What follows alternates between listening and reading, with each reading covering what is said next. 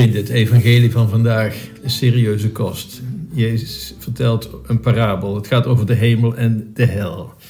Die hemel, die neem ik serieus. Die hel, die neem ik net zo serieus. Om de simpele reden, Jezus vertelt het ons. En Jezus neemt het buitengewoon serieus. Heel zijn missie staat in het teken van vergeving van de zonde. In het teken van dat de mensen maar voorkomen zal, voorkomen zal worden dat ze belanden daar waar ze niet willen zijn, in de hel. Jezus vertelt het aan de hand van een parabel over de arme Lazarus, die het werkelijk heel beroerd heeft, en de rijke man die niet eens met naam genoemd wordt. Het lijkt erop alsof Jezus wil zeggen, zoals in een ander stukje evangelie, als iemand bij de hemel aanklopt, voorwaar, ik ken u niet. En ook van deze rijke hij kent daar naam niet. Dat wil zeggen, die wordt niet eens genoemd. Wat, is er, wat doet die rijke mis? Dat, dat staat er eigenlijk niet eens. Hij doet van alles niet. Hij heeft geen enkel oog voor Lazarus. We denken wel eens, als ik niks verkeerds doe, dan komt het goed. Denk aan die woorden van Jezus, alles wat je voor anderen hebt gedaan, heb je voor mij gedaan. Maar hij zegt er nog iets bij, hè? alles wat je voor anderen niet hebt gedaan en wel had kunnen doen, heb je ook voor mij niet gedaan. Jezus vertelt deze parabel niet om ons te informeren hoe het er in de hemel of de hel aan toe gaat. Nee, het is een manier van vertellen om serieus te nemen die hemel en die hel. Dit denkt trouwens aan Dante's eh, goddelijke komedie zoals hij dat beschrijft of onze grote vriend C.S. Lewis in The Great Divorce over dat wonderlijke verhaal van mensen uit de hel, die mogen een uitstapje doen en gaan met de bus naar de hemel. Een beetje komische toestand. Uiteindelijk kiezen ze voor de hel om terug te gaan. Dat klinkt vreemd, maar het crux van Jezus' verhaal, dat zit hem in het, in het allerlaatste. Dat mensen niet willen geloven, misschien wel kunnen geloven, maar niet willen geloven en zich niet willen bekeren, want dat impliceert dat ze anders moeten gaan leven. En daar zit bij velen het probleem, anders gaan leven. Al is het maar bijvoorbeeld, een van de vereisten is vergevingsgezindheid, ook voor diegene van wie je dat nou net niet wilt zijn.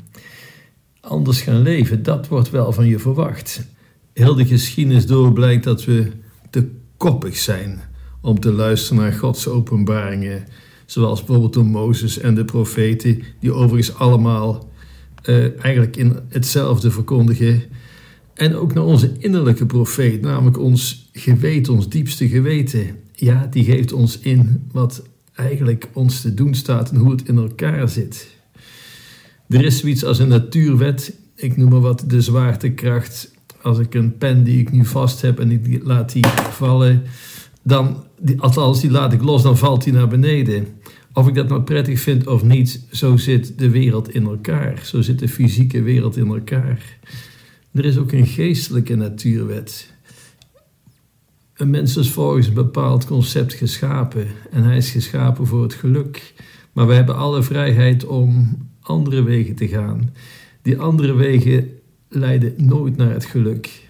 En die wegen die de profeten, die God, die Jezus ons voorhouden, die wijzen wel de weg naar de geluk. En die wegen kun je fijn vinden of niet, maar zo zit de wereld nu eenmaal in elkaar. En wat zegt Jezus? Ja, als mensen niet naar hun geweten willen luisteren, als ze niet willen luisteren naar God die zich openbaart door Mozes, door de profeten, dan zullen ze ook niet bereid zijn zich te bekeren als er iemand opstaat uit de doden. En die iemand die heeft hen gezegd wat die weg is naar het leven, naar het eeuwig leven. En daar gaat die, daar gaat die parabel van Jezus ten diepste over. Jezus zelf is natuurlijk degene die sterft en die verrijst. En dat wordt genegeerd, verworpen. Je kunt je afvragen, hoe kunnen we zo stom zijn? Ja, hoe kunnen we zo stom zijn? Hij die wonderen verricht, wie kan wonderen doen dan God alleen?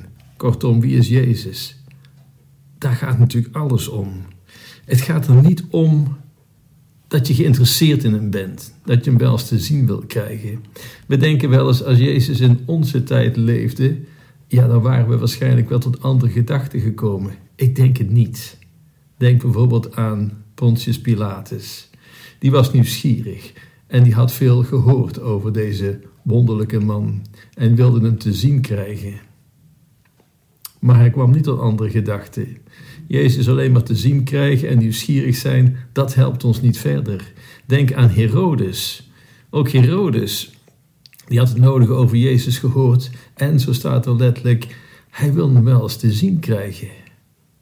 En hij kreeg hem te zien, maar het hielp niet echt. Denk aan de schriftgeleerden de fariseeën, die hebben hem regelmatig gezien, die hebben die wonderen gezien. En die zoeken alleen maar manieren om hem uit de weg te ruimen. Ze willen zijn identiteit niet erkennen, niet herkennen. Alleen maar nieuwsgierig zijn en het interessant vinden, dat helpt ons niet verder. Wat wel, wat wel, uiteindelijk beseffen wie hij is. die, die bekentenis van, van Petrus. Wie zeggen de mensen dat ik ben, vraagt Jezus. Daar komen allerlei antwoorden. Dat doet niet ter zake. Maar gij, wie zegt gij dat ik ben? En zo wordt die vraag ook aan u en mij gesteld. Als u zegt van, ik vind hem wel interessant, dat helpt u niet verder. Als u denkt, het is een wonderdoener, dat is waar, daar gaat het niet om. Hij vertelde prachtige verhalen, een voorbeeld van hoge ethiek, hoge ethiek, daar gaat het niet om. Hij is Gods zoon zelf. En als hij dat is, dan weet hij ook de weg naar de Vader. Nogmaals, hoe kunnen we zo stom zijn? Niemand die zoveel wonderen heeft verricht als Jezus. Niemand die uit de doden verrees, behalve Jezus. Paulus zegt het ons, hè. Um, er waren 500 getuigen die hebben getuigd dat Jezus, waarvan ze wisten en gezien hadden dat hij gestorven was en begraven, weer verrezen was.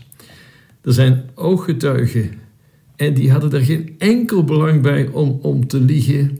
En die hadden alleen maar van alles te verliezen. Want het was een tijd van kerkvervolging.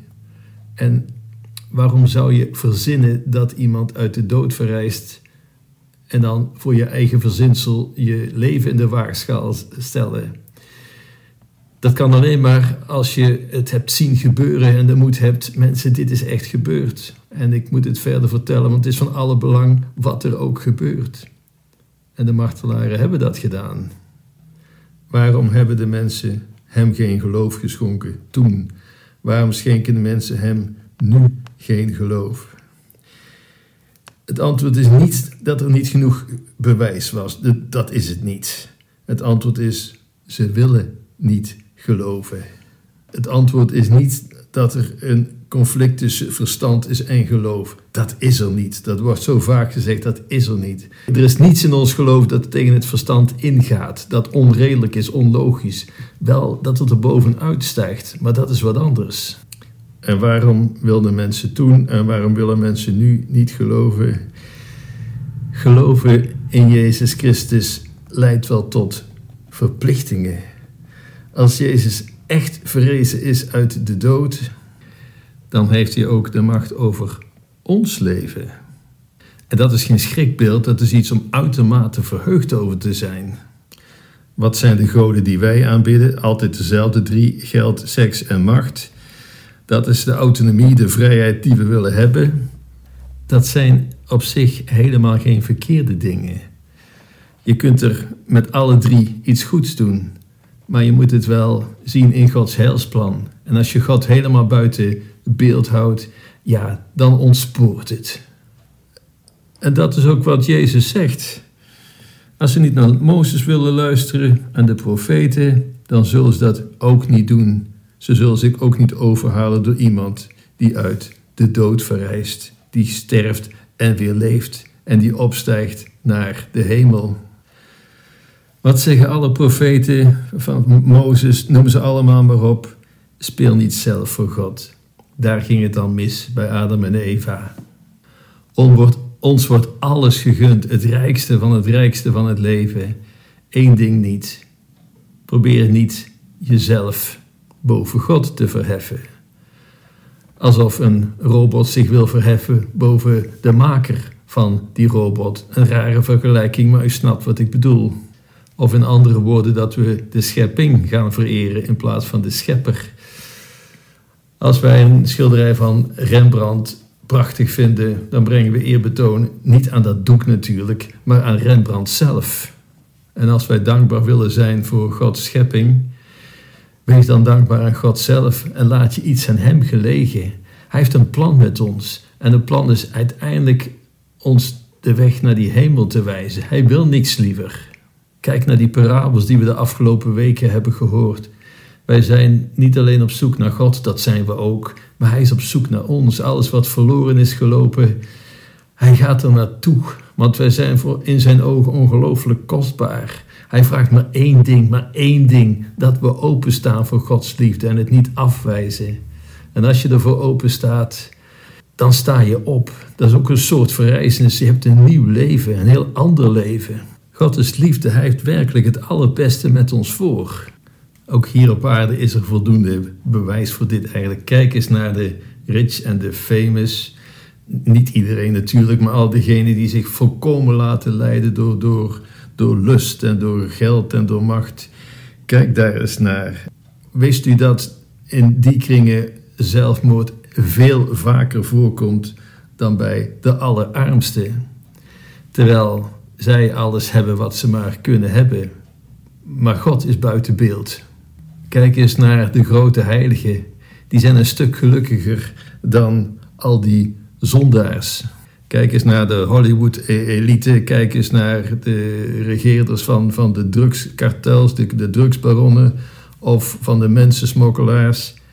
En neem dan eens een kijkje bij de zusters die voor moeder Teresa werken. En zie het verschil. Zie het bewijs. Ik kan simpelweg verwijzen, kijk eens naar documentaires van, van Freddie Mercury of Amy Winehouse of Elton John. Die hebben zoveel geld, dat konden ze niet eens opmaken.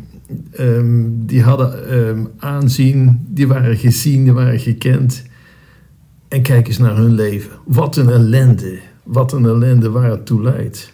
En kijk dan eens naar de andere kant, naar degene die Jezus volgt, de heilige onthechting. Die onthechten zich aan hebzucht, aan rijkdom en noem maar op. Ook als ze rijk zijn. En daar heerst liefde in plaats van lust. Dat halen we nogal eens door elkaar in onze tijd. En die cijferen zichzelf weg. Het zijn twee manieren van leven, twee wegen. Het hele punt van een weg is natuurlijk dat het je ergens naartoe brengt, dat je ergens uitkomt. Voor welke weg hebt u gekozen? En waartoe leidt die? Naar die van Lazarus of niet naar die van de rijke? En er is een onoverbrugbare kloof op een gegeven moment. God is barmachtig, we weten het, we weten het. Gelukkig maar, maar alleen voor degenen die zich uiteindelijk ervoor openstellen. Vraag om vergeving en je krijgt het. Je moet er wel om vragen.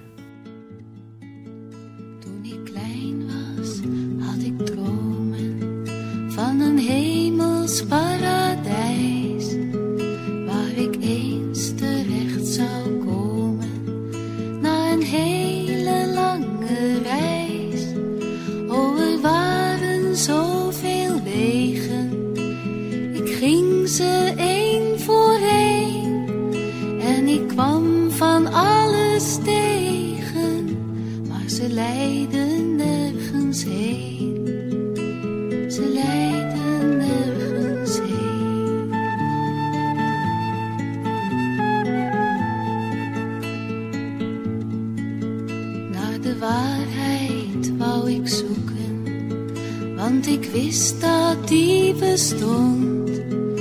En ik las in dikke boeken, tot ik dacht dat ik het vond.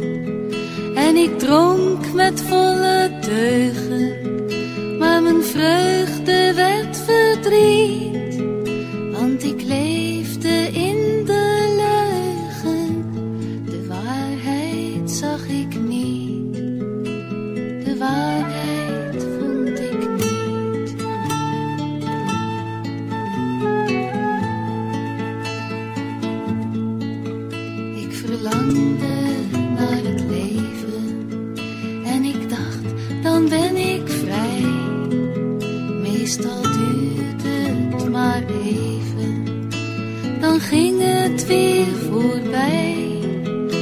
heb overal gezworven door een onbekend gebied.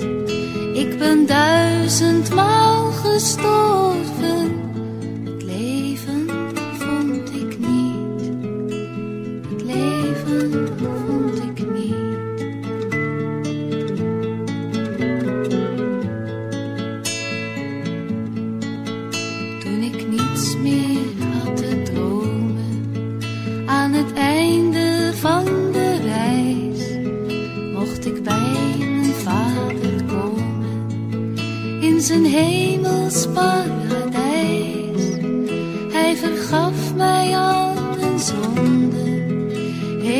van mijzelf bevrijd.